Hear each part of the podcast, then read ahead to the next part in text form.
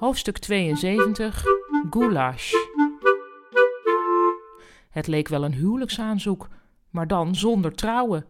Wilde ze mee in de goulashbus of wilde ze lekker op kantoor blijven bij haar nietmachine en haar doosje paperclips?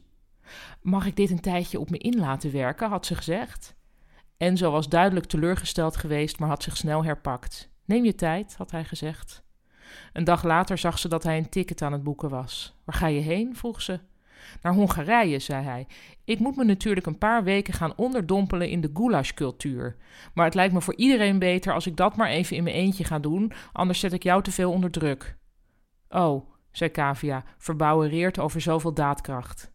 Die avond aten ze vegetarische balletjes met roerbakgroenten die Kavia op Enzo's zespits gasfornuis had klaargemaakt. Wat is dit, Kaaf? vroeg Enzo. Ik doe een poging om niet te veel aan te komen, had Kavia bekend. Maar ik ben toch dol op je, had Enzo gezegd. Zoals je bent. Dat is fijn.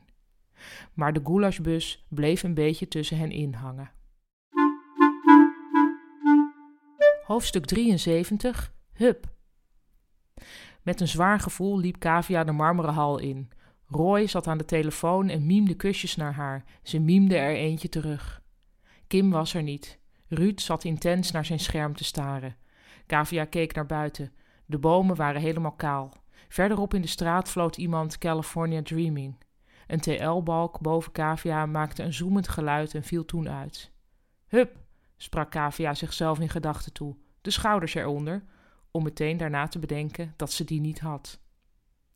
Stella kwam de afdeling op en begon driftig ordners uit de kast te trekken. Aan de slag, zei ze, zogenaamd in het algemeen, maar Kavia interpreteerde het als een bevel.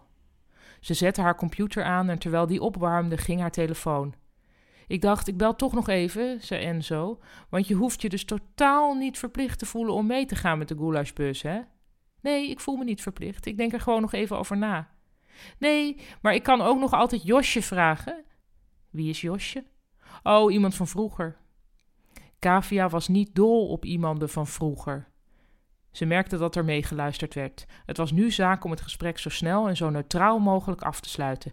Ik spreek je gewoon later, goed? zei Kavia. Oh, ja, goed, zei Enzo. Hij klonk teleurgesteld. Met een vervelend gevoel legde Kavia neer. En? Zijn er kapers op de kust, Kavia? Ruud, natuurlijk. Nee hoor, dit was puur zakelijk, zei Kavia. Ja, ja, smuikte Ruud. Alles begint altijd puur zakelijk.